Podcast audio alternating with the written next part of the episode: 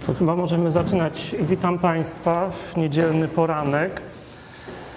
E, w toku tych wykładów, które mm, Państwo do tej pory mieliście w poprzednim semestrze i w obecnym, e, z tego mm, zestawienia, które e, jak zerknąłem, mm, tematyka stricte medialna nie była tam poruszana. Domyślam się tylko, że przy okazji innych, e, innej problematyki pewne elementy być może wystąpiły, ale tak wprost ta problematyka e, nie występowała w sposób taki uporządkowany i w miarę przejrzysty, więc problem polega też na tym, że no jest mało czasu, żeby omówić wszystkie problemy, więc problem nowego nowych mediów i nowego typu dziennikarstwa i nowego typu e, komunikacji społecznej może być tutaj przedstawiony wyłącznie e, w ten sposób, że będzie pewne tło, e, które dotyczy no, przemian cywilizacyjnych i roli mediów w tych przemianach. I siłą rzeczy musi nastąpić sprecyzowanie tego problemu i zawężenie go do sytuacji Polski. E, ja tutaj, przygotowując się do, do tego wykładu, e, postanowiłem, mm, znaczy nie chciałem przedstawiać jakby no, bardzo szerokiego spektrum literatury, no bo to, to jest rzeczywiście problem, który mm, z tygodnia na tydzień dostarcza nowych, no, no, no, nowej literatury zarówno anglojęzycznej, jak i polskiej. I e, oczywiście, jeśli ktoś z Państwa, a być może no są tu osoby, które też e, piszą u mnie mm, prace doktorskie, no, mm, siłą rzeczy, koncentrując się na tej problematyce, też będą sporządzać własne zestawy lektur i to, co tutaj jest, to jest właściwie tylko to, co z ostatniego czasu czy z ostatnich lat dotyczy problemu dziennikarstwa. E, ten temat, no nie ukrywam, jest mi najbliższy z racji tego, że e, zajmowałem się tym przez kilka lat. W tej chwili myślę, będzie jakaś kontynuacja tego, zejście może na poziom nieco niższy, na przykład na, na poziom dziennikarstwa lokalnego, który jest problemem właśnie niezbadanym do tej pory, czy słabo zbadanym i warto tutaj jeszcze poświęcić trochę uwagi właśnie temu problemowi. Natomiast y, y, przez no, y, siłą rzeczy na problem dziennikarstwa no nie, nie można inaczej spoglądać niż poprzez pryzmat mediów. No jest to tak ze sobą ściśle związane i kondycja dziennikarzy i, i, stan dziennikarstwa w Polsce no, zależy w dużym stopniu nie tylko w Polsce od, od kondycji mediów jako takich i ładu medialnego. Więc tutaj takie tylko zasygnalizowanie kilka, e, kilka przykładowych lektur dotyczących dziennikarstwa. Natomiast tutaj, jeśli ktoś z Państwa chciałby się koncentrować na badaniach, to jest taki zestaw no też najnowszych w miarę od, od kilku lat prowadzonych badań nad mediami i dziennikarstwem, włącznie z pewnymi raportami, które się ukazały dotyczącymi zarówno mediów, jak i ten e, ostatni tutaj pana Krzysztofa Nowakowskiego, to jest raport z badania społecznej odpowiedzialności mediów e, w systemie gospodarki rynkowej. Dość ciekawy dokument, który odpowiada właśnie na problem tak zwanego odpowiedzialnego dziennikarstwa. To znaczy, jakby z nazwy tutaj odpowiedzialne dziennikarstwo zakładałoby to, że istnieje dziennikarstwo nieodpowiedzialne, ale E, ten problem coraz bardziej e, i coraz szerzej zaczyna się pojawiać i e, o tym też dzisiaj jeszcze być może w dalszej części kilka słów należy poświęcić. Chciałbym rozpocząć od takiego wątku właśnie dotyczącego pewnego tła wydarzeń. To znaczy, jeśli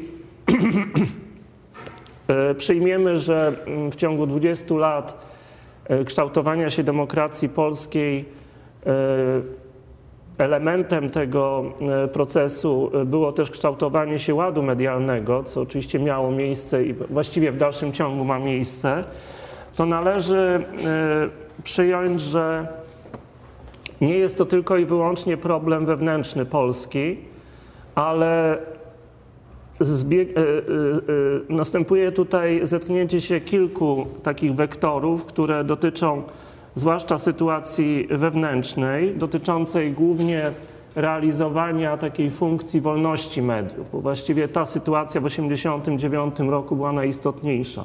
Zbudowanie ładu medialnego w oparciu o zasady wolności słowa, niezależności mediów w polskim porządku medialnym. Ale ta sytuacja regionalna dotycząca Europy Środkowo-Wschodniej w 1989 roku zbiegła się i w dalszym ciągu się zbiega z kilkoma takimi problemami o charakterze cywilizacyjnym, które tutaj e, za Kapuścińskim można e, przyjąć, że one się rozwijają jakby e, te trzy procesy, są jakby trzy dominujące procesy, które składają się na przemiany cywilizacyjne, które dotyczą większości państw świata i siłą rzeczy także i Polski. E, pierwszy z tych e, procesów e, to jest taki, ta, taka właściwie konkluzja polegająca na tym, że właściwie od ponad 60 lat świat nie, do, nie doświadcza światowych konfliktów czy światowych wojen. To znaczy można przyjąć, tam Kapuściński zresztą zwraca uwagę, że jak policzył, e, około 1% ludności świata e, to, jest, to, to są ludzie zaangażowa, zaangażowani w jakieś lokalne konflikty. Natomiast 99%, nawet ponad 99% ludzi nie, nie uczestniczy aktywnie w dzisiejszym świecie e, w wojnach, konfliktach o charakterze międzynarodowym. Więc to jest właściwie taki wniosek, który polega na tym, że żyjemy w zasadzie w czasach pokoju, to znaczy z wyjątkiem tego jednego procenta, który gdzieś tam ludzi, którzy są gdzieś zaangażowani w jakieś konflikty zbrojne. Czyli no to jest jakby pierwszy wniosek bardzo ważny, że, że żyjemy w czasach pokoju. Drugi e, proces to jest, czy taką drugą e, tendencją jest upowszechnianie się demokratycznej formy rządów na świecie. To jest, e, być może Państwo słyszeliście o takim e, takiej no, sławnym stwierdzeniu Fukuyamy o końcu historii, to znaczy, że wyczerpały się jakby inne, alternatywne od demokratycznych formy urządzania świata, zwłaszcza w XX wieku, no, różne eksperymenty, które zaowocowały chociażby no, pierwszą czy drugą wojną światową. E, w czasach właśnie pokoju następuje upowszechnianie się demokracji na świecie, oczywiście w różnych formach, mniej lub bardziej doskonałych, ale jednak opartych na zasadach wolności i e, godności człowieka. I trzeci taki wniosek mm,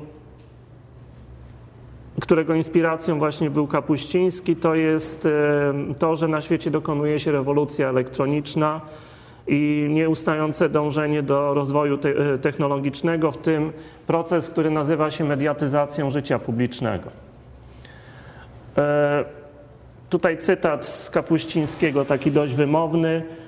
Media coraz częściej nie pokazują rzeczywistości, ale ją tworzą. Ma to istotne konsekwencje. Dawniej człowiek miał do czynienia z jedną rzeczywistością, tą, która go otaczała.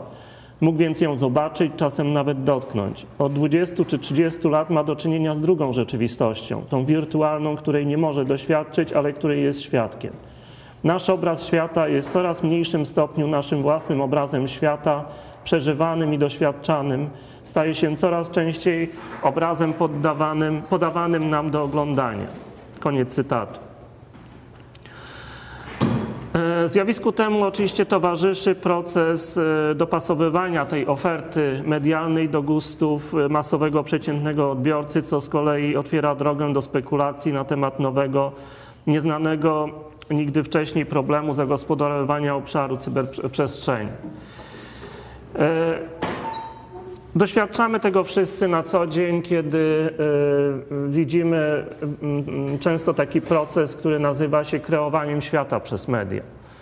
Y, to już jest takie stwierdzenie, które weszło do oficjalnego języka i ono polega na tym, że pojawiają się fakty, które często nazywane są faktami medialnymi, w przeciwieństwie do faktów, które, jak pisał Kapuściński wcześniej doświadczaliśmy sami, doświadczaliśmy jakby namacalnie, natomiast teraz pewien obraz świata i pewna oferta medialna jest nam podawana.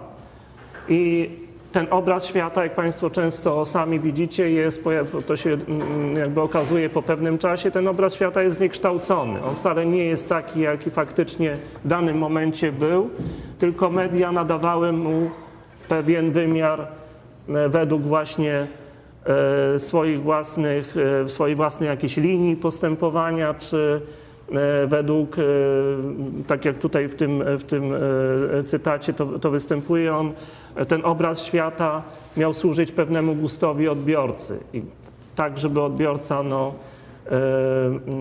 był w stanie go z jednej strony przyswoić, z drugiej strony zaakceptować. I w 1989 roku, kiedy następowały e, przemiany w Polsce, e, także i Polska musiała, zmagając się z własnymi problemami, sprostać także tym wszystkim problemom o charakterze globalno-cywilizacyjnym, e, czyli rozwojowi technologicznemu, dostosowywania swojego jakby budowania ładu medialnego w oparciu też o zasady kultury masowej. E, co, co e, mamy w tej chwili, e, co widzimy w tej chwili no, na przykładach przede wszystkim mediów elektronicznych, ale także i mediów prasowych.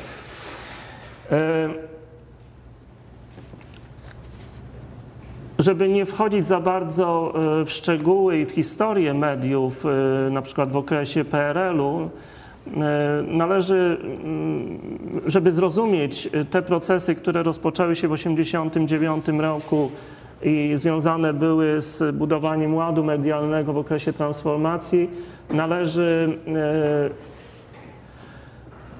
wyróżnić takie trzy e, procesy, które odbywały się jeszcze w latach 80. i które właściwie funkcjonowały w całym okresie PRL, aczkolwiek z różnym natężeniem. Czyli to jest jakby taka, e, takie, to były takie warunki brzegowe, z, jaki, e, z jakimi mieliśmy do czynienia w 1989 roku, w momencie, kiedy e, budowany był nowy ład medialny. Pierwszym takim procesem, który wtedy miał miejsce, to, jest, to, był, to była oczywiście centralizacja środków masowego komuniko komunikowania. To dotyczyło zarówno prasy, jak i radia i telewizji. Były jakby centralne ośrodki dystrybucji e, mediów, e, nie było mediów alternatywnych. E, za chwilę też o tym powiem. Jak państwo jakby sprawowało taką pełną kontrolę nad mediami i związane to było z tym, że mm, wszelkie procesy tutaj związane były z centralizacją, to znaczy wszelkie decyzje dotyczące mediów e, zapadały e, w instytucjach partyjno-państwowych. Nie było instytucji medialnych zakładanych przez osoby prywatne, stowarzyszenia, organizacje społeczne i polityczne, tak, tak, tak jak to ma miejsce obecnie, że to, co jest związane z procesem, który można nazwać pluralizacją mediów, czyli możliwością rozwoju zarówno mediów tak zwanych publicznych, jak i mediów komercyjnych, alternatywnych i wszelakich innych. Drugi proces to no, było zmonopolizowanie mediów przez państwo i upaństwowienie różnych e, gałęzi gospodarki, które miały jakikolwiek związek z procesem wyda wydawania prasy i rozprzestrzeniania informacji. E, tutaj taki przykład, że mm, Państwo oczywiście tego myślę w większości nie pamiętacie i może to być tylko e, taka informacja z przekazów e, z, z, książek o charakterze historycznym, że ogromnym problemem w okresie PRL-u było, była sprawa papieru. Znaczy papier był dystrybuowany centralnie, był przydzielany redakcjom, wydawnictwom To była tak zwana reglamentacja papieru. Problem, no jeden z tych problemów właściwie nierozwiązywalnych do samego końca, czyli do 1989 roku. I podobnie było z innymi materiałami właśnie poligraficznymi, z, chociażby z farbą drukarską. Wszelkie tego typu E, materiały były dystrybuowane w sposób centralny według pewnego rozdzielnika z, z, z, no, z wszelkimi zasadami e, właśnie reglamentacji tego typu materiału. I trzeci proces to było upolitycznienie i upartyjnienie środków komunikowania społecznego, czyli nadzór i kontrola nad wszelkimi formami komunikowania i i mediów e, pełniły instytucje e, centralne. Oczywiście to, była, to, był, e, to były wydziały, głównie Wydział Prasy Komitetu Centralnego Polskiej Zjednoczonej Partii Robotniczej, ale także koncern wydawniczy Robotnicza Spółdzielnia Wydawnicza Prasa Książka Ruch, która zajmowała się właśnie dystrybucją głównie prasy i e, Główny Urząd Kontroli Prasy, Publikacji i Widowisk, czyli tak, tak zwany Urząd e, Cenzury Prewencyjnej, który no, kontrolował wszelkie materiały, zarówno audiowizualne, jak i prasowe, E, nie, nie, można było właściwie, nie, nie, mogło się nic ukazać bez e, kontroli właśnie tego urzędu. Tutaj jeszcze należy, do, niewymieniony jest jeszcze, niewymieniona jest jeszcze jedna instytucja, która zajmowała się jakby zarządzaniem e, mediami, mediami audiowizualnymi, to tak zwany radiokomitet, czyli Urząd do Spraw Radia i Telewizji, który nadzorował wszelkie sprawy związane z e, funkcjonowaniem radia i telewizji. I teraz mamy, e, mamy e, sytuację właśnie 89 roku, te trzy procesy, takie główne procesy, które, mm, które właśnie dotyczą tych, tych warunków brzegowych i wchodzimy jakby w sytuację nową, to znaczy te oczywiście urzędy jeszcze istnieją, aczkolwiek już na przykład Urząd Cenzury od e, momentu Okrągłego Stołu no, wyraźnie złagodniał i część materiałów już nie, nie przechodziła przez, nie przechodziła lub przechodziła i była traktowana no, dość ulgowo, zwłaszcza już po wyborach 4 czerwca wyraźnie ten urząd no, ulegał no, przekształceniu. I, i, i ta kontrola i nadzór wyraźnie złagodniały. I teraz, żeby to trochę wszystko uporządkować, to mm, te przekształcenia od 1989 roku przebiegały dwutorowo i w takich dwóch wymiarach. Pierwszym wymiarem był taki wymiar prawno-ekonomiczny. E, to dotyczyło głównie sfery tak, rozwoju jakby pluralizmu mediów. Od tej sytuacji właśnie tych trzech procesów E, no, centralizacyjno-monopolizacyjnych do e, sfery pluralizmu. I tutaj oczywiście inicjowane były przez państwo, przez państwa, za chwilę o tym powiem, różne formalno-prawne warunki realizacji tego projektu zróżnicowania mediów. Drugim wymiarem jest ten wymiar społeczno-obywatelski, to znaczy przyjrzenie się, to jest jakby ta druga część tytułu wykładu, to znaczy przyjrzenie się tej e, różnym formom komunikowania społecznego, które mm, e, w tym habermasowskim, takim tradycyjnym rozumieniu dotyczą kształtowania się sfery publicznej czy przestrzeni e, dyskursu publicznego. To jest ta sfera, która kształtowała się w dużej części spontanicznie, E, niezależnie od e, tych formalno-prawnych e, warunków. Właściwie przez pierwszych pięć lat transformacji w dużym stopniu w ogóle przekształcenia medialne miały charakter bardzo żywiołowy i spontaniczny. Aczkolwiek zaszło kilka ważnych wydarzeń, które, które dotyczyły właśnie tych zmian legislacyjnych. Tutaj to jest w tej, w tej części dolnej, czyli e, w początkowej fazie przemian fundamentalnymi zmianami było powstanie i realizacja trzech ustaw, takich, które stworzyły jakby sytuację wyjściową do kształtowania się ładu medialnego w latach 90. i już w nowym wieku. W marcu 90 roku uchwalona została ustawa o likwidacji koncernu RSW Prasa Książka Ruch, czyli to była taka demonopolizacja dystrybucji prasy.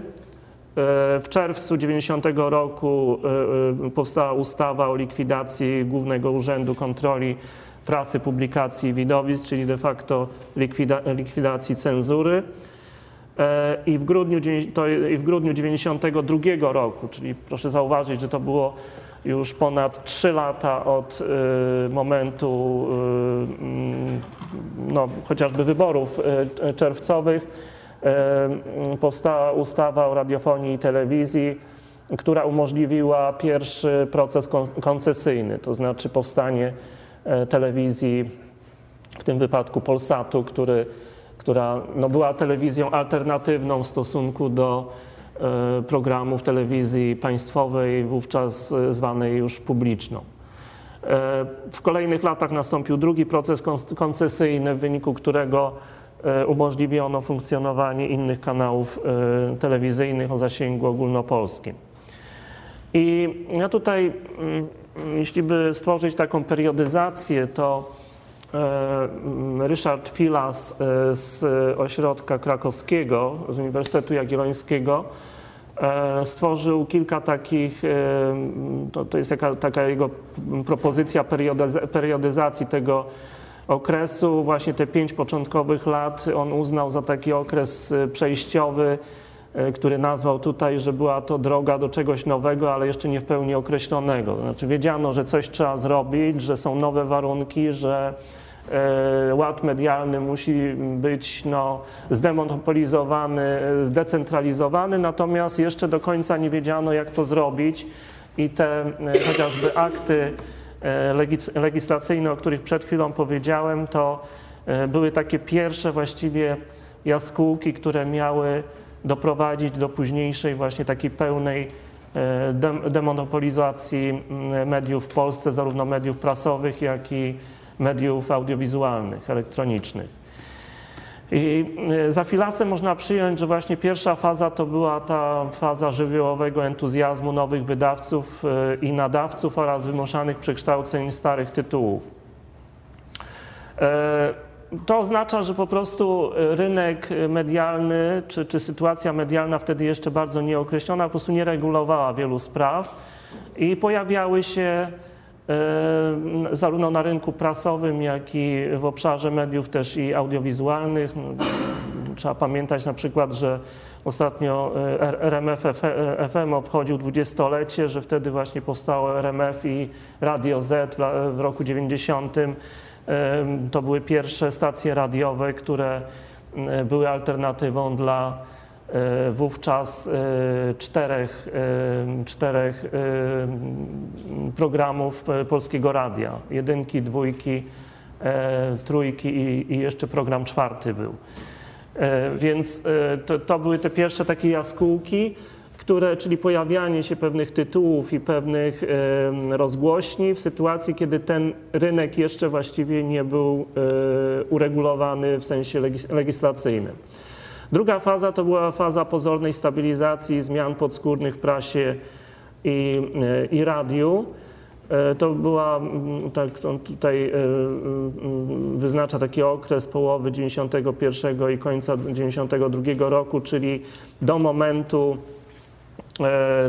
tej ustawy o, o, radio, o radiofonii, pierwszej ustawy o radiofonii i telewizji właśnie, która w końcu 1992 roku została uchwalona. Trzeci, trzecia faza to była otwarta walka o rynek mediów, zwłaszcza audiowizualnych, czyli to właśnie ta sytuacja, którą regulowała już nowa ustawa koncesyjna i powsta powstawały wówczas, powstało wówczas wiele rozgłośni i dołączyły jakby, zaczęły dołączać nowe telewizje, niekoniecznie też o zasięgu ogólnopolskim. Czwarta faza to była faza zagospodarowywania rynku po pierwszym okresie koncesyjnym inwazji ty tygodników niemieckich, czyli otwarcie rynku prasowego na wydawców zagranicznych. I piąta faza to jest nowy podział rynku mediów i postępującej specjalizacji. Właściwie można przyjąć, że ta faza trwa do dzisiaj, czyli już zagospodarowanie tego rynku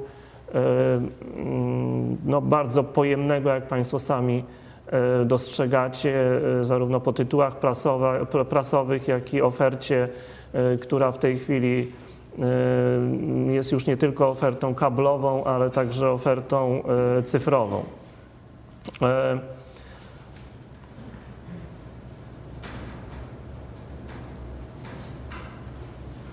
I tutaj, mm, żeby zakończyć jakby ten e, wątek e, przemian legislacyjnych, to jakby się przyjrzeć obecnie, to rynek mediów i funkcjonowanie dziennikarzy na tym rynku regulowane jest przez kilka ustaw. To jest oczywiście, to są zapisy konstytucyjne, stworzenie jakby możliwości konstytucyjnych do e, rozwoju mediów i rynku medialnego. To jest ustawa prawo prasowe z 1984 roku. E, to nie jest pomyłka, to jest rzeczywiście 1984 rok. Do tej pory funkcjonuje ustawa e, uchwalona, jak Państwo widzicie, w rok po zniesieniu stanu wojennego i e, to e, no, jakby nie, nie, nie, nie, chcę robić analizy w tej chwili tej ustawy. Oczywiście ona miała liczne nowelizacje, ale e, sama ustawa, jakbyście się Państwo przyjrzeli, ma takie jakby dwa odcienie. Jeden taki bardziej nowoczesny, który dotyczy już nowej sytuacji medialnej, natomiast jest tam kilka takich zapisów, które ewidentnie są jeszcze zapisami ze starej epoki na przykład temu, że taki zapis, że dziennikarz powinien służyć państwu i społeczeństwu. Także y, to, to, to jest trochę anachroniczne i y, próbowano, y, był nowy projekt prawa prasowego już kilka lat temu stworzony, ale z jakichś no, nie, nie, nie, niewyraźnych przyczyn on do tej pory nie, nie przeszedł przez no, całego procesu legislacyjnego i no, funkcjonuje to prawo prasowe, które zresztą też zawiera taki zapis, że właściwie mm, mm, nie, nie ma jakby w polskim prawodawstwie e, pełnej definicji dziennikarza oprócz definicji dziennikarza prasowego. Znaczy jest definicja dziennikarza prasowego, ponieważ ustawa e, zgodnie z nazwą nazywa się ustawą o prawie prasowym i jakby tę definicję stosuje się do innych mediów, na przykład mediów elektronicznych. Więc to są wszystko takie, e, takie sytuacje, trochę tak jak Filas e, wcześniej określał ten pierwszy etap i tą pierwszą fazę jako taką żywiołową i spontaniczną, to jest trochę w sensie legislacyjnym cały czas ta sytuacja właśnie taka e, trochę żywiołowa i, i trochę właśnie zapisów no już wybitnie przestarzałych część takich, które e, no nie mają mm, mm, jakby wymiaru już takiego odnoszącego się chociażby do e, tych procesów wyróżnionych przez Kapuścińskiego o charakterze takim cywilizacyjno-rozwojowym e, czy, czy globalnym. Więc jakby sytuacja legislacyjna cały czas nie jest w stanie sprostać jakby nowym wymogom nowej sytuacji, z jaką mamy do czynienia no, w roku 2010.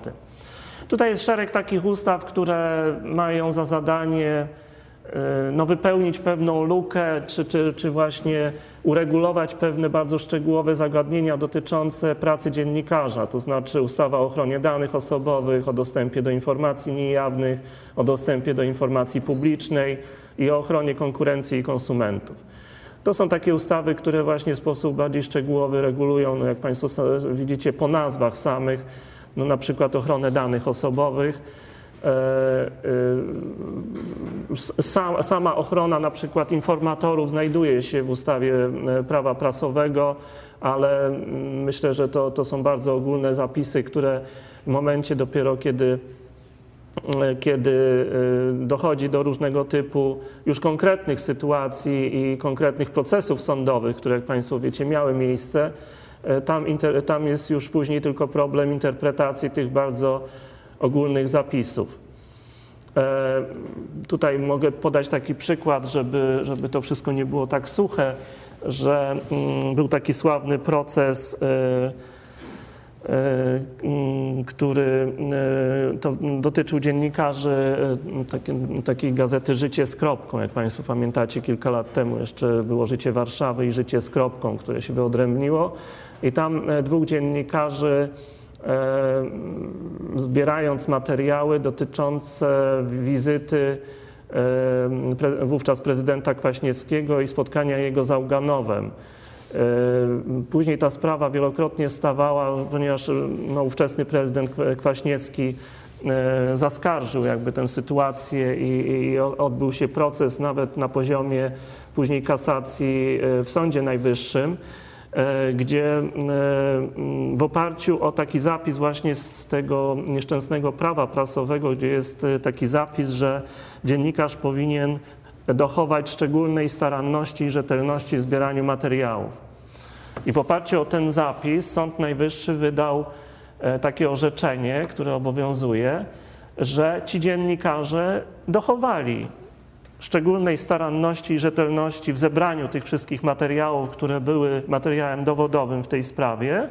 Natomiast e, sama e, sprawa spotkania pana Kwaśniewskiego i Auganowa nie dotyczyła jakby, to znaczy nie, nie było podstaw, żeby dopatrzyć się tutaj jakby winy ze strony dziennikarzy. Znaczy oni dochowali tej staranności i rzetelności, a że sytuacja była akurat inna, to już jakby nie, nie, była w tym, w tym, nie było w tym jej, ich winy. No i więc, więc powstał taki rzeczywiście problem no, nieprecyzyjnego zapisu, ponieważ dziennikarze jakby nie byli winni, bo zebrali materiał, a, a że ten materiał akurat był inny niż fakty, e, które, miały miejsce, e, nie, nie, polegały na obciążaniu tą winą dziennikarzy. Więc to był taki precedens, który, e, który zaważył być może na innego typu sprawach, no, mniejszego kalibru może, które, które cały czas występują. Druga, drugi taki przypadek, który był bardzo kontrowersyjny, to też kilka lat temu E, była sprawa skazania jednego z dziennikarzy lokalnych na bodajże dwa lata więzienia za e, sytuację, kiedy e, no on rzeczywiście, jak później fakty pokazały, niesłusznie oskarżył pewną osobę w, w, w swoim piśmie lokalnym i sąd wydał wtedy wyrok dwóch lat więzienia. Jak Państwo pamiętacie, może przed Sejmem znani dziennikarze ustawili wtedy klatki, w które E, sami weszli na znak protestu przeciwko temu, żeby e, karać dziennikarzy no, za błąd, ewidentny błąd, który dziennikarz jednak popełnił, ale żeby, że kara była niespółmierna do, e, do tego czynu, który, który ten dziennikarz, który nazywał się, to był Andrzej Marek, który właśnie ten czyn popełnił. Także to były takie dwa najbardziej spektakularne wydarzenia, które E, dotyczyły właśnie pracy dziennikarskiej e, w sytuacji, kiedy właśnie nieprecyzyjność pewnych zapisów e, zadecydowała o tego typu no, bardzo takich spektakularnych wydarzeniach. Jak Państwo też doskonale wiecie z przekazów właśnie medialnych, były dwukrotnie podejmowane działania nad tworzeniem tak zwanej ustawy medialnej, to znaczy ustawy właśnie o radiofonii i telewizji, e, która no, według wielu środowisk nie spełnia oczekiwań i wymogów czasu. E, jak Państwo pamiętacie, ona była uchwalona w 1992 roku, więc jest to już niedługo będzie no, 18 lat, kiedy, kiedy ta ustawa funkcjonuje. No i jest e, potrzeba zmiany. Ostatnia ustawa, jak Państwo pamiętacie, z ubiegłego roku została zawetowana przez y, prezydenta RP i, y, i odrzucona ostatecznie. Ona nie weszła w życie. Y, co, co do tworzenia ustaw, to były także dwa najbardziej takie znaczące podejścia do, do stworzenia projektu ustawy o zawodzie dziennikarza. Jak Państwu powiedziałem, te zapisy definiujące dziennikarza są bardzo no, anachroniczne. Y, one odnoszą się głównie do dziennikarzy prasowych, nie ma właściwie definicji dziennikarzy radia i telewizji. Były dwa takie podejścia, jedno w 1992 roku, drugie w 2002 roku. Y, one pochodziły właśnie głównie ze strony dziennikarzy, mm, Stowarzyszenia Dziennikarzy RP, to, to było alternatywne, znaczy jest alternatywne stowarzyszenie do Stowarzyszenia Dziennikarzy Polskich. To była organizacja powstała po stanie wojennym, skupiająca no, dziennikarzy reżimowych w ówczesnym czasie. I tam ten drugi projekt właśnie powstał z inicjatywy właśnie tego stowarzyszenia. Te mm, projekty nie przebiły się przez też proces legislacyjny, zawierały z kolei zapisy, które, jak jeden z dziennikarzy to określił, bardzo przypominały regulamin koszar. Mianowicie mm, najczęściej pojawiającym się tam słowem było, że dziennikarz obowiązany jest E, do różnych rzeczy. No tam no, na przykład takie kuriozalne zapisy, że dziennikarzem może być tylko osoba, która ukończyła wyższe studia dziennikarskie, e, że na przykład redaktorem naczelnym może zostać osoba, która ma dziesięcioletni staż pracy w zawodzie, no, że dziennikarz pracuje no, zgodnie z kodeksem pracy 40 godzin w tygodniu. Także no, wszystkie takie no, no, zupełnie nierealistyczne i kuriozalne zapisy, które spowodowały, że ta Ustawa ostatecznie wylądowała gdzieś w koszu i nie przeszła chyba nawet przez Sejm, e, jedynie była inicjatywą Senatu. E, co do takich uregulowań e, pracy mediów i dziennikarzy, to wobec niedoskonałości tych różnych zapisów, o których przed chwilą zresztą powiedziałem, tworzone są kodeksy etyczne przez różne środowiska dziennikarskie. E, one mają wymiar albo międzynarodowy, albo lokalny. To znaczy tutaj wymienionych e, jest bodajże dwie czy trzy organizacje, które skupiają dziennikarzy, najwięcej dziennikarzy na świecie. Na przykład International Federation of Journalists, e, największa, jest to największa na świecie federacja związków zawodowych dziennikarzy. Oblicza się, że należy do niej 450 tysięcy dziennikarzy w 100 krajach. Jest druga taka organizacja, najstarsza organizacja reprezentująca dziennikarzy w Stanach Zjednoczonych, Society of Professional Journalists. Jest Center for International Media Ethics, y, to jest międzynarodowa organizacja z kolei pozarządowa, która y, te wszystkie organizacje formułują pewne zasady y, obowiązujące w środowisku dziennikarskim. Są to oczywiście zasady etyczne niezależnie od tego tworzone są różne kodeksy no, takie o charakterze narodowym i w Polsce e, kilka organizacji sformułowało takie kodeksy. Najbardziej znaczącym to jest Karta Etyczna Mediów, która powstała w 1995 roku. Podpisali się pod nią, e, pod nią przedstawiciele kilku organizacji, m.in. Stowarzyszenia Dziennikarzy Polskich, Stowarzyszenia Dziennikarzy RP, Katolickiego Stowarzyszenia Dziennikarzy, Syndykatu Dziennikarzy Polskich, Związku Zawodowego Dziennikarzy, Unii Wydawców Prasy, Telewizji Polskiej SA, Telewizji Polsat, Stowarzyszenia Niezależnych Producentów Filmowych, Telewizyjnych, Polskie Radio SA, Stowarzyszenie Radia Publicznego w Polsce i inne organizacje, które sformułowały bodajże, jeśli dobrze pamiętam, siedem takich głównych zasad e, funkcjonowania mediów i dziennikarstwa. Tam były mm, zasady prawdy, obiektywizmu, oddzielania informacji od komentarza, uczciwości, szacunku, tolerancji, pierwszeństwa, e, dobra odbiorcy. Wśród nich znajduje się także zasada wolności i odpowiedzialności mediów. I w oparciu o mm, ten dokument y, powstała Rada Etyki Mediów. Jak Państwo słyszycie, czasami ta Rada ma za zadanie reagować w sytuacjach, kiedy no, następują jakieś wydarzenia w mediach, które nie powinny mieć miejsca, no, nie o charakterze etycznym właśnie, jakieś niezgodności moralnych czy etycznych. I wtedy ta Rada, która no, ma charakter taki, mm, e, taki właściwie, to ma charakter właściwie organizacji pozarządowej. Ona skupia e, osoby pracujące społecznie. E, ma za zadanie właśnie reagować na pewne wydarzenia, które są no, zanegowaniem tych zasad, które tutaj zostały w tej karcie etycznej mediów sformułowane.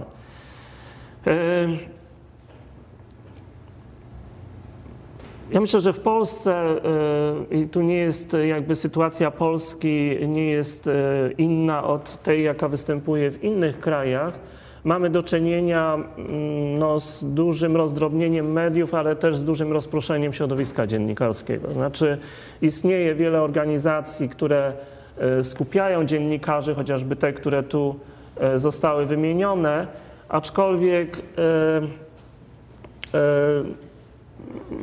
środowiska są bardzo e, rozproszone i jak Państwo nawet e, no, na własne oczy obserwujecie, e, nie ma jakiejś takiej sytuacji konsolidacyjnej, to znaczy nie ma ani jednego ośrodka skupiającego jakby właśnie dziennikarzy.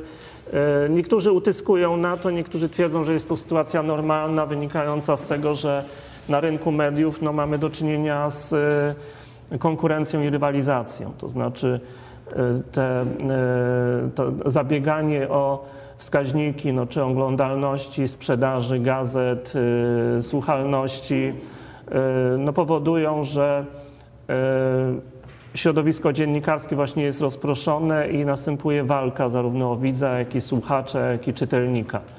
I to jest sytuacja no, charakterystyczna dla, dla porządku medialnego w systemie demokratycznym i e, pluralistycznym.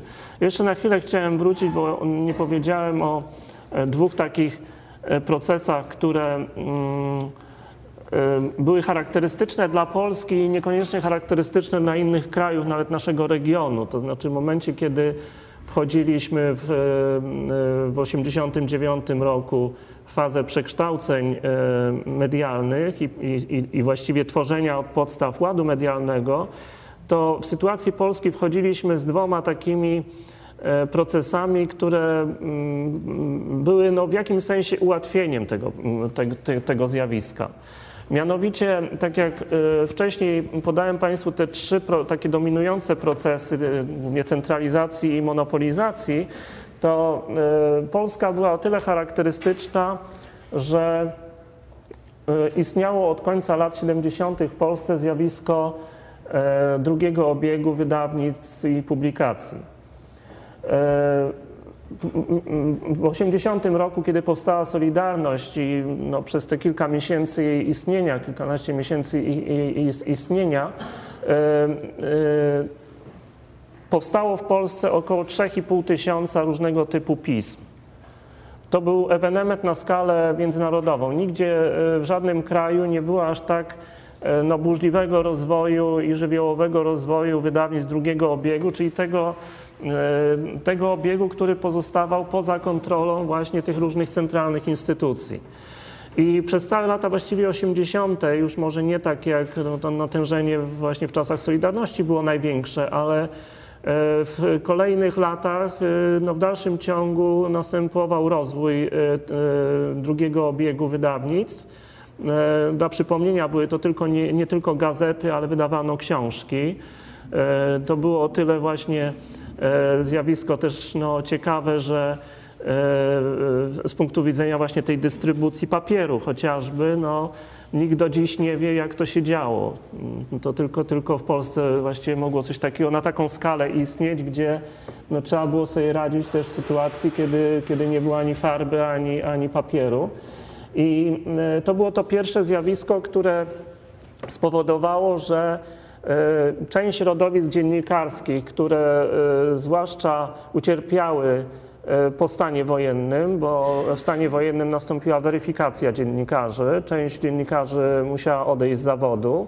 Bardzo dużo dziennikarzy odeszło z radia, e, z telewizji i z, z, z, z redakcji prasowych, że ci dziennikarze właśnie kontynuowali jakby swoją pracę przez działalność właśnie w, w tym drugim obiegu. I ci dziennikarze później, była to, no nie, nie powiem, że to była taka trochę quasi sytuacja rynkowa, ale pewien zaczyn tutaj jakby tej, tej rynkowości już też następował, że ten e, no, wówczas no, w cudzysłowie trochę rynek zaczął już e, funkcjonować. No, on był, no, polegał na tym, że było, była jakby sfera oficjalna i nieoficjalna.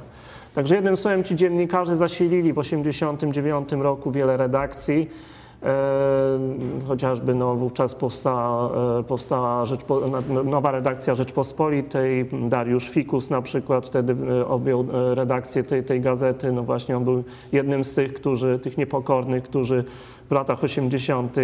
byli poza oficjalnym obiegiem prasy i wiele, wiele innych osób. Drugie takie zjawisko, które zdaniem badaczy mediów też w jakimś sensie przyczyniło się do e, pluralizacji, to być może przez część, część z Państwa to e, pamięta, że w latach, w latach 80. zaczęła pojawiać się telewizja satelitarna. To znaczy e, był dostęp do pewnych programów docierających z zagranicy, E, które no, w oficjalnym obiegu nie istniały. Znaczy w oficjalnym obiegu istniała tylko oczywiście w telewizji, istniały telewizje państwowe. Natomiast coraz więcej osób miało wtedy już dostęp do, poprzez anteny satelitarne do obrazów e, i programów, które no, były emitowane w innych krajach. Więc to już jakby było to poluźnienie jakby sytuacji, E, że no nie było tylko tak jak w latach 70. No, dwóch kanałów telewizji państwowej, ale ludzie mieli dostęp do e, innego typu przekazów. No, w ten sposób no, poznawali e, sytuację innych krajów, to, czego cenzura na przykład nie była w stanie, to, co cenzura zatrzymywała E, e, w sensie tych materiałów oficjalnych, no tutaj jakby sytuacja była już nie do zatrzymania, ponieważ e, były to indywidualne przekazy docierające do ludzi. Jakieś statystyki mówiły o tym, że było to w pewnym momencie 40 tysięcy osób miało dostęp do właśnie tego typu alternatywnych źródeł przekazu. Więc to jeszcze jest taka specyfika Polski w tamtych czasach. W innych krajach naszego regionu ani rozwój drugiego obiegu nie był tak imponujący jak w Polsce, ani ten dostęp do e, właśnie przekazów satelitarnych nie był tak w pewnym momencie otwarty, jak to było w Polsce. To, te procesy umożliwiły e, no, przyspieszony ten e, rozwój kształtowania się ładu medialnego w latach, na początku lat 90. I teraz jeśli chodzi o badania, które dotyczą rozwoju mediów i, e, i dziennikarstwa. E, to tutaj przykładowych kilka takich badań, które, jakby, które ilustrują to, z czym mamy w tej chwili mm, do czynienia. Mm. Jeśli chodzi o stacje telewizyjne to niezmiennie bardzo wysokie oceny. To są, to są jakby oceny e, e, ludzi różnych stacji telewizyjnych. E, badania przeprowadzone, prowadzone regularnie od kilku lat. Więc jeśli chodzi o oceny, to zarówno oceny, ocena telewizji publicznej, jak i na przykład Polsatu jest bardzo podobna. Ona sięga 80 kilku e, procent. E, ludzie tutaj no jakby nie dostrzegają czy nie różnicują. Wprawdzie tutaj nie ma podziału na jedynkę i dwójkę, jeśli chodzi o telewizję państwową, publiczną. E, to nie ma tutaj w ocenie jakby zróżnicowania tego, że jakby oferta telewizji publicznej no, w jakiś sposób różni się od oferty stacji komercyjnych. Właściwie oceny są bardzo podobne. Podobnie zresztą jest z oceną stacji radiowych. E, tutaj także w badaniu nie rozróżniano poszczególnych programów e, e, polskiego radia. Radio publiczne cieszy się dobrą opinią u 74%. E, niewiele mniej osób e, także pozytywnie ocenia RMF i Radio Z. Czyli nie ma tutaj jakby takiego zróżnicowania. Jeśli chodzi o Radio Maryja, to jest tutaj e, więcej ocen no, złych niż ocen dobrych. Jak Państwo widzicie, tutaj procentowo jest to pokazane. Warto, warto spojrzeć na ocenę tych mediów z punktu widzenia oceny innych instytucji. Tutaj one są porównywalne, jeśli chodzi o e, oceny takich instytucji jak policja czy wojsko, gdzie te instytucje mają dość wysokie oceny właściwie od zawsze, e, zwłaszcza wojsko. Policja musiała sobie zapracować na to przez te kilkanaście lat transformacji. Co do oceny Kościoła, no to jest 63%, Narodowego Banku Polskiego 53%, Trybunału Konstytucyjnego 44%. No jeśli chodzi o, o, o instytucje typowo polityczne, czyli Sejm, Senat, no to jak Państwo widzicie, ta dysproporcja z oceną mediów jest znacząca, ponieważ no, media mają kilka e, razy jakby e, większe powodzenie i dobre oceny u respondentów niż, niż oceny o charakterze e, politycznym.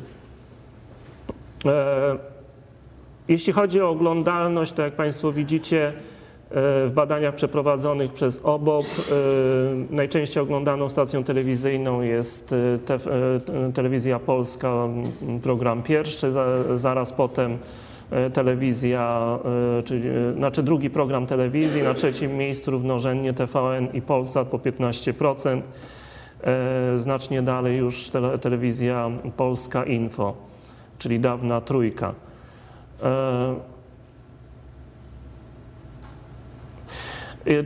Tutaj ten obraz, tam, dlatego wspomniałem też o tej telewizji satelitarnej, która rozwijała się w latach 80., ponieważ jakby kontynuacją tego typu przekazów no jest, są w tej chwili telewizje kablowe, które cieszą się też dużym powodzeniem. Więc no na przykład oglądalność telewizji kablowych to jest rzędu 25-30%. Jeśli chodzi o słuchalność stacji radiowych, to Naj, najchętniej słuchanym radiem było RMF FM, około 25%, Radio Z17, program pierwszy Polskiego Radia 1, 13%, Trójka 7%, Radio Maryja 2%. E, inne stacje radiowe mają symboliczny udział w rynku e, słuchalności właśnie rzędu 1 i poniżej 1%. E, tutaj jeszcze taka garść informacji dotyczących badań o oceniających dziennikarzy. Klasycznym takim badaniem jest cyklicznie, cyklicznie przeprowadzane badanie hierarchii zawodów i dziennikarze wypadają tutaj całkiem przyzwoicie. Najnowsze takie badanie było robione w 2009 roku. Notabene, mm, tak na, na, na marginesie, E, to badanie jest przeprowadzone, przeprowadzane cyklicznie od końca 70, lat 70., czyli jeszcze w okresie PRL-u e, było pierwszy raz przeprowadzone. I e, co ciekawe, nie zmienia się właściwie mm, ta czołówka jakby zawodów, znaczy niezależnie jakby od zmiany ustrojowej, nie zmienia się usytuowanie pewnych zawodów na szczycie tej hierarchii.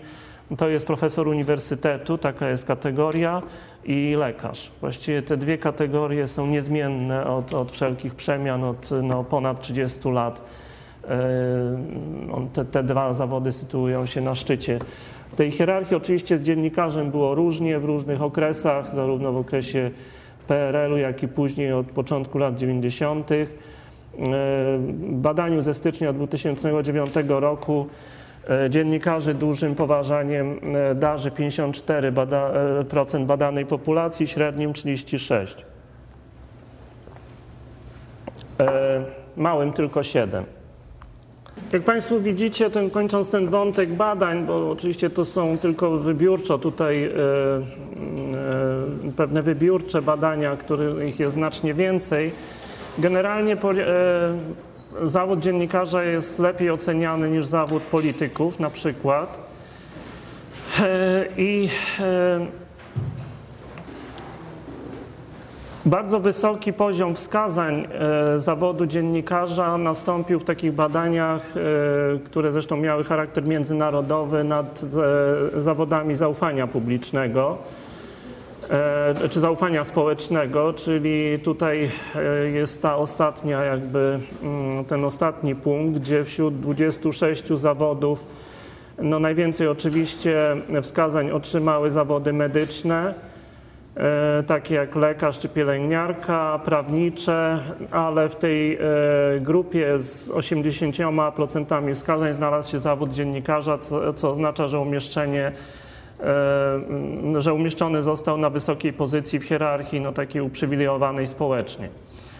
I teraz kończąc jakby ten wątek, bo jeszcze chciałbym zarezerwować trochę czasu na ewentualne pytania, Mm, tak podsumowując e, te wszystkie wątki, które tutaj, mm, ten trochę taki rys e, siłą rzeczy historyczny też, e, można stwierdzić właściwie takie, takie trzy stwierdzenia są dosyć istotne i charakterystyczne dla oceny mediów i dziennikarstwa w Polsce mm, po tym okresie 20 lat demokratyzacji Polski.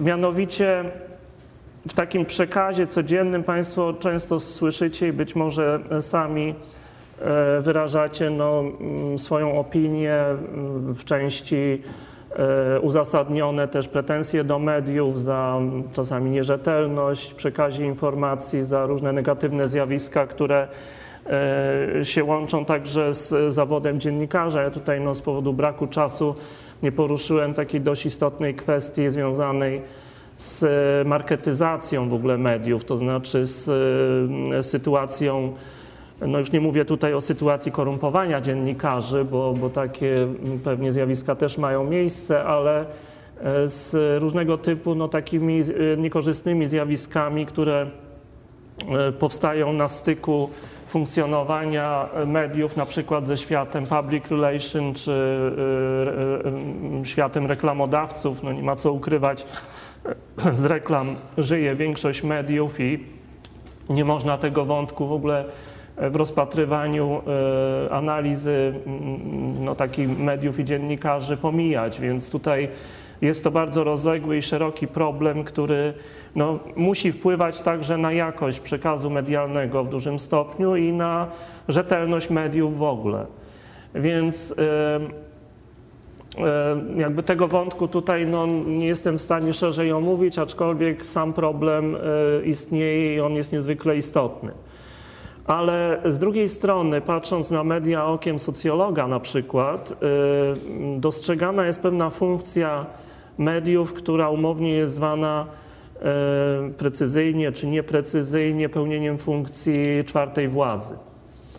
E, to jest takie sformułowanie, które ma dość du dużą, e, dość długą tradycję. Ono jest, tak jak powiedziałem, przez wiele osób w tej chwili podważane, e, ale faktem pozostaje to, że z punktu widzenia pewnego ładu społecznego media pełnią bardzo ważną funkcję kontrolną. To znaczy one kontrolują z punktu widzenia takiej społecznej odpowiedzialności kontrolują władzę państwową i różne siły polityczne w państwie demokratycznym i no ich rola jest tutaj, jak Państwo e, dostrzegacie na co dzień, ich rola jest dość istotna, ponieważ e, poprzez media my się dowiadujemy o szeregu też niekorzystnych zjawisk, które występują i ta sytuacja kontroli powoduje, że no, kolokwialnie mówiąc, politycy zaczynają się z mediami liczyć. To znaczy, że E, w swoim działaniu, kiedy widzą, że są e, poddawani kontroli, e, zaczynają funkcjonować tak, jak, jak powinni według zasad demokratycznych. I to jest niezwykle istotna funkcja takiej kontroli społecznej właśnie poprzez media, z wszelkimi, jak powiedziałem, też i niekorzystnymi zjawiskami, które mediów dotyczą. Drugie zjawisko to jest właśnie to, o czym wspomniałem, to jest, e, to jest to wszystko, co w tej chwili wychodzi też coraz więcej publikacji na ten temat i e, to jest to, to co jest związane z marketingiem politycznym, z marketyzacją polityki i mediatyzacją świadomości społecznej, czyli te zjawiska, które powodują, że media wypełniają bardzo istotną istotne miejsce w e, tej przestrzeni życia publicznego. Ja wspomniałem o tym schemacie takim habermasowskim, to znaczy rozciągającym się całym tym obszarze, który rozciąga się z jednej strony od no, życia prywatnego jednostek, od y, właściwie indywidualnego życia każdego człowieka, aż do funkcjonowania państwa. W środku jest cały obszar to, co niektórzy nazywają społeczeństwem obywatelskim, Habermas nazywał sferą publiczną, niektórzy nazywają przestrzenią życia publicznego, przestrzenią dyskursu publicznego, debat publicznych i tak czyli to wszystko, co, co konstruuje nowoczesne społeczeństwo. I, I ten środek w zasadzie w dużym stopniu w tej chwili też zagospodarowany jest przez działalność mediów. Me, media stają się właściwie źródłem naszych wszelkich informacji. Jak Państwo spojrzycie, ja dzisiaj też wiele uwagi nie poświęciłem temu, co należałoby może omówić, czyli e, właśnie sfera cyberprzestrzeni, to znaczy ta e, sytuacja, z którą mamy w sposób taki trochę ewolucyjnie do czynienia bo e, przez wiele wieków następował rozwój prasy na początku lat, na początku XX wieku, głównie w latach 30. nastąpił e, no, roz, e, ogromny rozwój radia, który niektórzy twierdzą, nawet niektórzy z naszych wykładowców, że na przykład aż taki rozwój systemów totalitarnych byłby niemożliwy, gdyby w latach 30. nie upowszechniło się radio E, upowszechnianie się telewizji i w związku z tym pojawienie się e, tego określenia społeczeństwo masowe czy kultura masowa, czyli e, rozwój telewizji w latach 50. w Stanach Zjednoczonych, u nas oczywiście odpowiednio później, od lat 60. i już pełnienie bardzo ważnej takiej funkcji propagandowej przez telewizję w, w, czasach e, gierkowskich, czyli w latach 70. to był okres zwany propagandą sukcesu, jak Państwo e, pewnie pamiętacie, ale ta propaganda sukcesu byłaby niemożliwa bez narzędzia takiego, jakim była telewizja wówczas. E, najpierw w latach 60. tylko i wyłącznie pierwszy program telewizji polskiej, od lat 70. także i drugi, i drugi program. Więc to jest jakby ewolucja mediów, która w tej chwili wygenerowała nową jakość, no, technologicznie też proces bardzo przyspieszony, czyli rozwój e, cyberprzestrzeni, tego co niektórzy nazywają kultura 2.0, internet, oczywiście inne formy elektronicznych form komunikacji. I na koniec już tak jako pewne podsumowanie, to mm, taki wniosek, że czasami utyskujemy wszyscy rzeczywiście na jakość y, na przykład telewizji i przekazu medialnego, natomiast trzeba pamiętać o tym, że y, to, co jest podstawową wartością mediów w systemie demokratycznym, to jest ich pluralizm. To znaczy to, że E, istnieje różnorodność mediów. Jest to inna sytuacja niż właśnie mieliśmy do czynienia w poprzednim ustroju, gdzie no, e, była centralizacja i monopolizacja przez państwo mediów, dystrybuowanie jakby mediów według pewnych e, reguł państwowych. I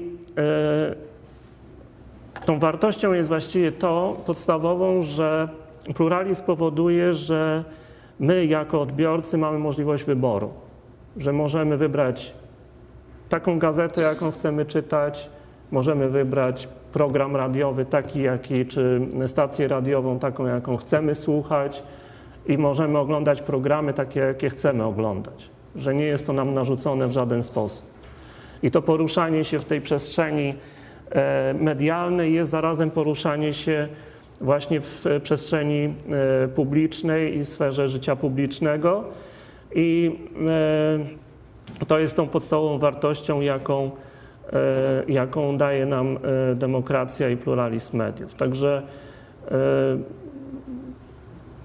wszystko właściwie polega na tym, żeby honorowane były zasady wolności mediów, które siłą rzeczy pączkują także ich pluralizmem. Także no, taka może dość idealistyczna i optymistyczna uwaga na, na koniec. E, jak powiadam, e, to, jest, to są pewne warunki brzegowe i pewne ramy, w których oczywiście e, mieści się zarówno to, co o mediach jesteśmy w stanie dobrego powiedzieć, jak i to, co jesteśmy w stanie powiedzieć złego.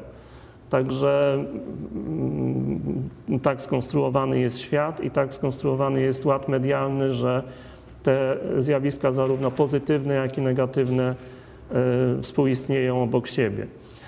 Także to tyle z mojej strony. Y, bardzo taki, no te półtorej godziny to właściwie jest bardzo, mm, właściwie po to, żeby bardzo jakby zasygnalizować pewne problemy, zwrócić uwagę na pewne zjawiska. Oczywiście szeregu y, z nich no nie jestem w stanie z racji czasowych tutaj rozszerzyć.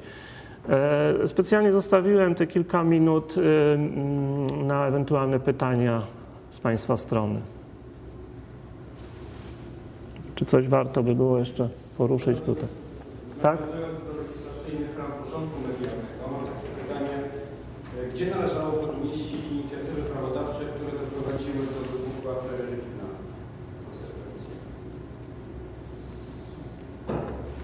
Zależy o który wątek tutaj, e, na którym wątku by się tutaj skupić, no bo można e, e, skupić się na przykład na czymś takim, dlaczego e, przetrzymano informacje, prawda?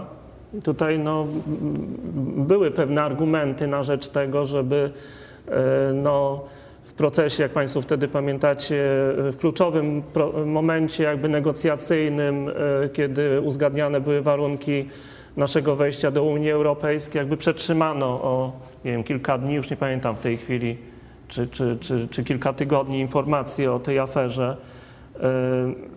I można się zastanawiać tutaj w sensie etycznym, prawda, czy coś takiego powinno mieć miejsce, czy nie, ale to jest problem etyczny właściwie. Natomiast legislacyjny, no, sprawa Rywina właściwie ukazała e, niekorzystne zjawiska zachodzące w tworzeniu e, aktu legislacyjnego w tym przypadku właśnie tej ustawy medialnej, gdzie e, ścierały się różne grupy interesów. I e, tutaj to jest oczywiście pytanie o jakość funkcjonowania państwa także.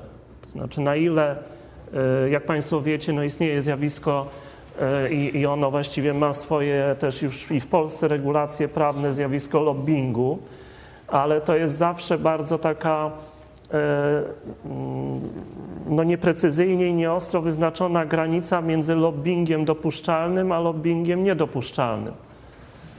To jest kwestia też pewnego, myślę, pewnej kultury politycznej, kultury obywatelskiej. Y, zjawisko lobbingu y, jest powszechnie znanym zjawiskiem w Stanach Zjednoczonych od dziesięcioleci, no ale z tym związana była też tradycja obywatelska. No my, jak wiadomo, z racji historycznych mieliśmy no pewien, no nie mieliśmy pewnej ciągłości państwowej chociażby, więc to, to było jakby ten, ten proces kształtowania się kultury obywatelskiej i politycznej był taki rwany właściwie. On był ciągle jakby przerywany różnymi historycznymi wydarzeniami, które nie pozwoliły nam na wykształcenie się no, na przykład takiej kultury nawet administracyjnej bym powiedział, to znaczy kultury, e, nie wiem, urzędnika państwowego, wolnego jakby od y, takich no, pokus y, korupcyjnych i innych na przykład. No i to, to zjawisko tworzenia tej ustawy medialnej właśnie jest przykładem, kiedy kilka tych niekorzystnych zjawisk się nałożyło, a co, co do tej sprawy jakby nieogłoszenia tej afery wtedy, kiedy należało ją ogłosić, ze względu na argumenty, które były przytaczane, no to jest już sprawa naszej oceny jakby indywidualnej, czy tak powinno być, czy nie.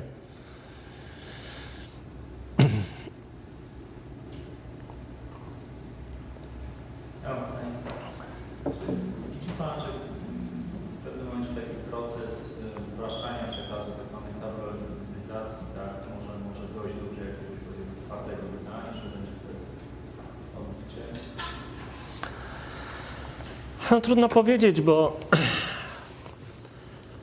to jest jakby chyba e, tendencja, która będzie zależała od poziomu jakby dalszego umasowienia społeczeństwa, to znaczy tego, e, tabloidyzacja jest odpowiedzią na pewne gusty odbiorców.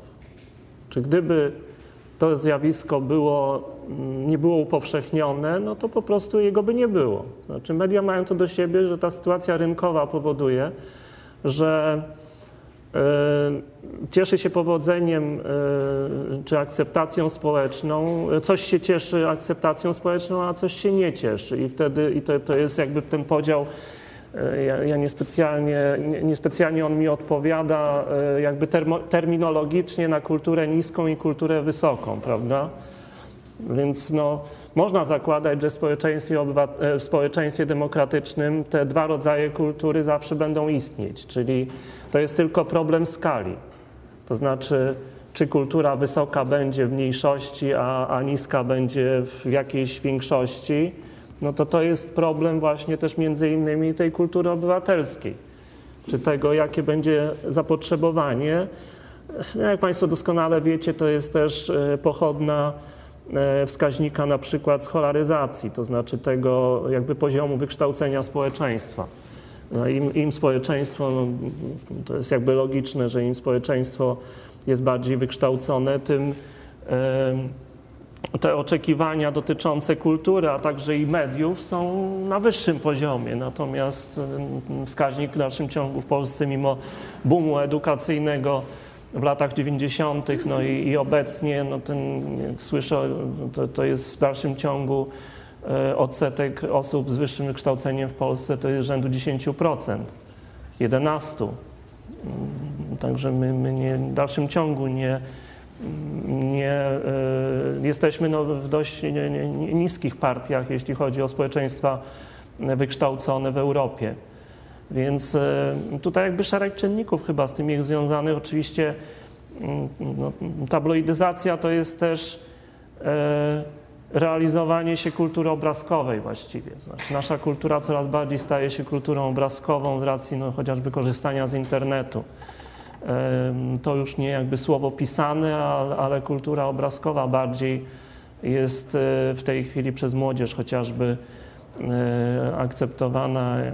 Dostrzegam pewne tendencje, które no, nawet na poziomie e, szkoły e, średniej zachodzą. To wszystko zmierza jakby w kierunku właśnie mm, odchodzenia od tradycyjnych form, nie wiem, czytania lektur, a raczej na upowszechnianiu się takich form właśnie obrazkowych bardziej. Także to jest, to jest problem skali. To jest problem skali. Jeśli przyjmiemy, że e, no, społeczeństwo ma swoje elity i one zazwyczaj, no, do, to, to jest jakby realizacja tej kultury wyższej, no i, i nie chcę powiedzieć masa, czy, czy ta publiczność, która ma różne gusta. I, i, i z mediami, no, na przykład z rynkiem prasowym jest po prostu ta, tak, że mm, no, mnóstwo tytułów nie istnieje w sposób charytatywny, prawda? To znaczy istnieją dlatego, że ludzie to kupują. Nikt tu charytatywnie specjalnie nie działa i, i dlatego wspomniałem tutaj trochę tak ubocznie o związku mediów z rynkiem reklamowym na przykład, bo to jest ta sfera mm, bardzo czuła tutaj ja na przykład słyszałem, e, że wiele e, jest to, jest to tak poważny problem w tej chwili, żeby e, w dalszym ciągu jakby być wiernym pewnym zasadom oddzielania reklamy od treści, prawda? Od treści na przykład w prasie. Te, te zasady są właściwie no, w dużym stopniu łamane w tej chwili. To znaczy już nie wiadomo, co jest tekstem sponsorowanym, co jest niesponsorowanym to się wszystko zaczyna trochę mieszać. Kiedyś była zasada taka no niepisana w wielu renomowanych redakcjach, że e, oddzielano bardzo wyraźnie działy e, takiej redakcji merytorycznej od działów marketingu i reklamy. Nawet do tego stopnia, że e, w innej części miasta były działy reklamy i marketingu. W tej chwili to się zaczyna wszystko mieszać właściwie. Znaczy, nie jest dziełem przypadku, że przy jakimś tekście pojawia się reklama, która jest bardzo blisko związana z tym, jakby z treścią tego tekstu, prawda? I do końca nie wiadomo, czy to jest reklama tego, czy ten tekst to jest reklama tego produktu, czy, czy że tutaj jest mnóstwo takich e, spraw, które mam wrażenie trochę wymykają się właśnie tym etycznym różnym, dlatego mówiłem o tych różnych kodeksach, że trochę kodeksy sobie, a praktyka sobie. I jeśli coś nie jest jakoś drastyczne, jakieś bardzo spektakularne, no to to się pomija milczeniem właściwie. I ta Rada Etyki Mediów, która jest ciałem społecznym, to właściwie reaguje tylko w momencie, kiedy pojawia się coś no już rzeczywiście bardzo drastycznego. Tak. Mhm. A Jaki, jaki ma Pan pogląd na takie zjawisko w ostatnim czasie, że media oczekują newsów ze sceny politycznej, tak? Tylko ten politycy, będący pod presją, e, starają się dostarczać, tak nazwijmy to, pożywkę dla faktów medialnych, z drugiej strony unikają podejmowania decyzji kontrowersyjnych. Jak gdyby pod pres częściej można odczytywać, jakby zrealizowana pod, pod oczekiwania mediów. Znaczy ja myślę, że rzeczywiście mm, to jest z kolei, jakbyśmy wkroczyli tutaj na ten teren już polity, wybitnie politologiczny, z, taki, z takiego medioznawstwa na teren politologiczny, to rzeczywiście zmienia się zasadniczo e, forma uprawiania polityki. To znaczy e, media w dużym stopniu rzeczywiście kreują rzeczywistość polityczną.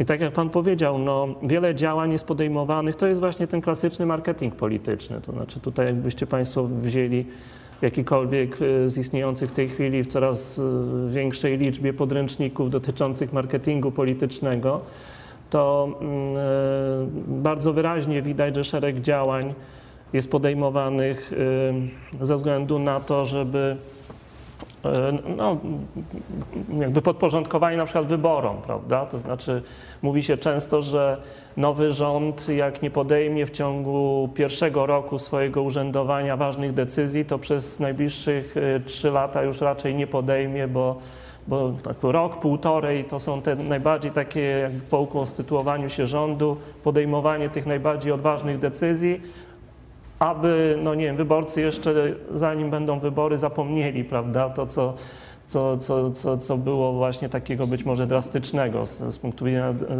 widzenia decyzji politycznych. Natomiast później już pewne działania są wybitnie podporządkowane wyborom, to znaczy temu, żeby no nie, nie zniechęcić elektoratu, prawda, żeby podejmować takie decyzje, które z punktu widzenia państwa powinny być podejmowane, ale one specjalnie nie drażnią elektoratu, więc znaczy to nie jest jakby sytuacja też w niczym, nie wiem czy to jest pocieszające, ale nie jest to sytuacja w niczym nas wyróżniająca tutaj jako, jako Polskę, bo tak się dzieje w wielu krajach, gdzie te zasady marketingu politycznego funkcjonują od wielu lat. Niektórzy zresztą twierdzą, że marketing polityczny to jest nic innego jakby taka nowoczesna odmiana propagandy politycznej, której zasady są znane już od dziesięcioleci nic specjalnie tu wielkiego nie wymyślono. Pewne twarde zasady istnieją też niezależnie od form ustrojowych na przykład. Więc ja myślę, że wszystko, wszystko jest chyba związane z takim no, próbą znalezienia złotego środka jakby tutaj. To znaczy, żeby, żeby nie można mówić tutaj idealistycznie, że te zasady marketingu nie będą obowiązywały, czy nie powinny obowiązywać, bo one będą obowiązywać i obowiązywały zawsze, tylko jest zawsze problem proporcji tego, czy, czy to po prostu nie, nie przybierze jakiejś formy już takiej karykatura, karykaturalnej. I, natomiast rzeczywiście to, to co tutaj, te, te zasady e, marketyzacji e, polityki mediatyzacji społecznej, no to, to, to właściwie zjawiska, które zachodzą na naszych oczach i, i my się często buntujemy przeciwko temu i słusznie. Nie wiem, ocena na przykład mediów nawet w ciągu ostatnich dwóch tygodni, prawda, kiedy mm, starałem się na przykład, nie wiem jak Państwo, ale starałem się, znaczy oczekiwałem bardzo taki, takiego jakby co, z punktu widzenia też pewnego klimatu społecznego, jakby wyważenia całej sytuacji. No niestety zdarzyło mi się dwa razy przełączyć na jedynkę tak, tak zwanej telewizji publicznej i po prostu myślałem, że że jestem, nie wiem, no, w jakimś innym, jakimś y, wymiarze w ogóle to, co się tam działo, nie, nie wiem, na, no, mówię, dwa razy mi się to zdarzyło, że, że przełączyłem i o nie miałem po prostu, to yy, no to budzi po prostu, yy, tylko właśnie, no wartość polega na tym, że mogłem sobie przełączyć na co innego, co mi bardziej odpowiadało. I pewien klimat, który być może bardziej na innym kanale był tutaj e, stosowniejszy jakby do całej sytuacji, która się, się wydarzyła. Także ja myślę, że właśnie takie ekstremalne różne wydarzenia pokazują e, niejako w soczewce no to, co jest wartościowe i to, co jest w jakimś sensie bezwartościowe z punktu widzenia właśnie mediów.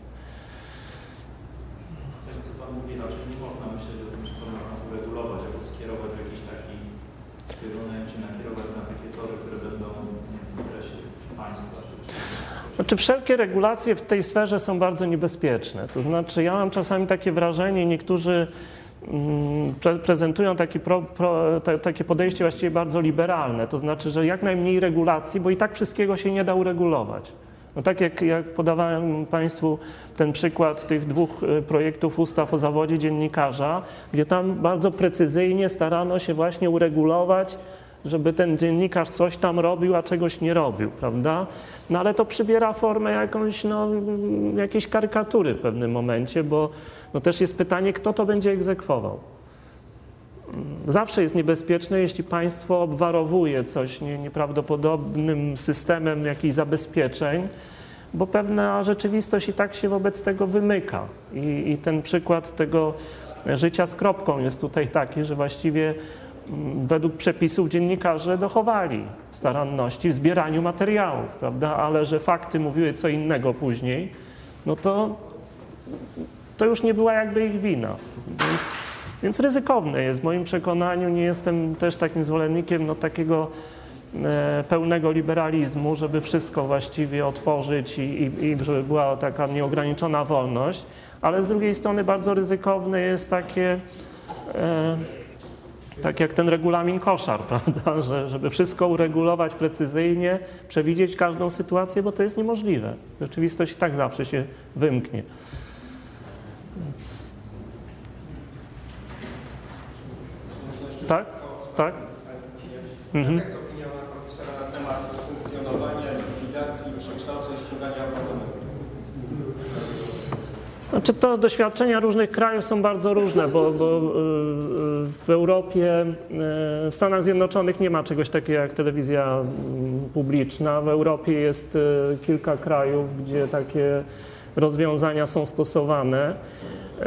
Istnieje w wielu krajach forma po prostu takiego opodatkowania, na, czyli coś w rodzaju naszego abonamentu.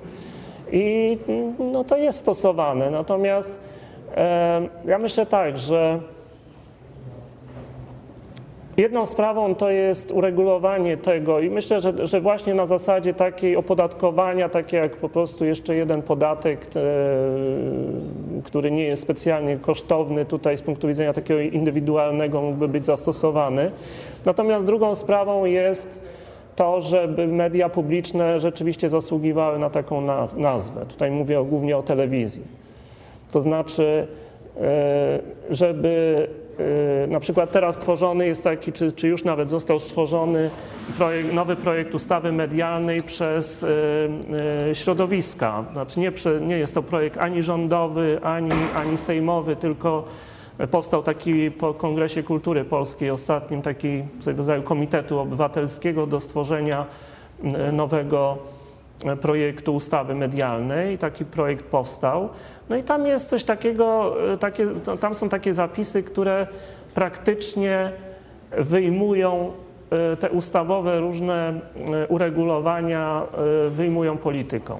To znaczy tam ma, ma powstać rzeczywiście rada złożona z osób, które między innymi uczelnie zgłaszają propozycje osób, które mają wejść do takiej rady która ma być taką radio, radą radiofonii, nową radą radiofonii i telewizji, ale, ale składającą się z osób, które są wybierane przez różne środowiska właśnie opiniotwórcze, a nie przez polityków, więc e, myślę, że e, po 20 latach demokracji zasługujemy na to, żeby e, no, media publiczne stały się rzeczywiście takimi z nazwy, no i wtedy też y, one muszą uzyskać no, większą legitymizację.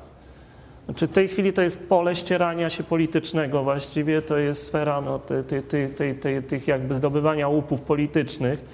No i podstawową sprawą jest chyba wyjęcie tego właśnie z tego ze środowiska politycznego. i, i, i- stworzenia rzeczywiście czegoś, co, co nie jest łatwe, bo jak mówię, różne wz- wzorce tutaj, na przykład we Włoszech jeden z kanałów telewizji publicznej jest kanałem po prostu rządowym. To jest jakby bez jakby ukrywania. Jest po prostu rządowy i koniec. I wtedy wiadomo, że jest to stanowisko rządu.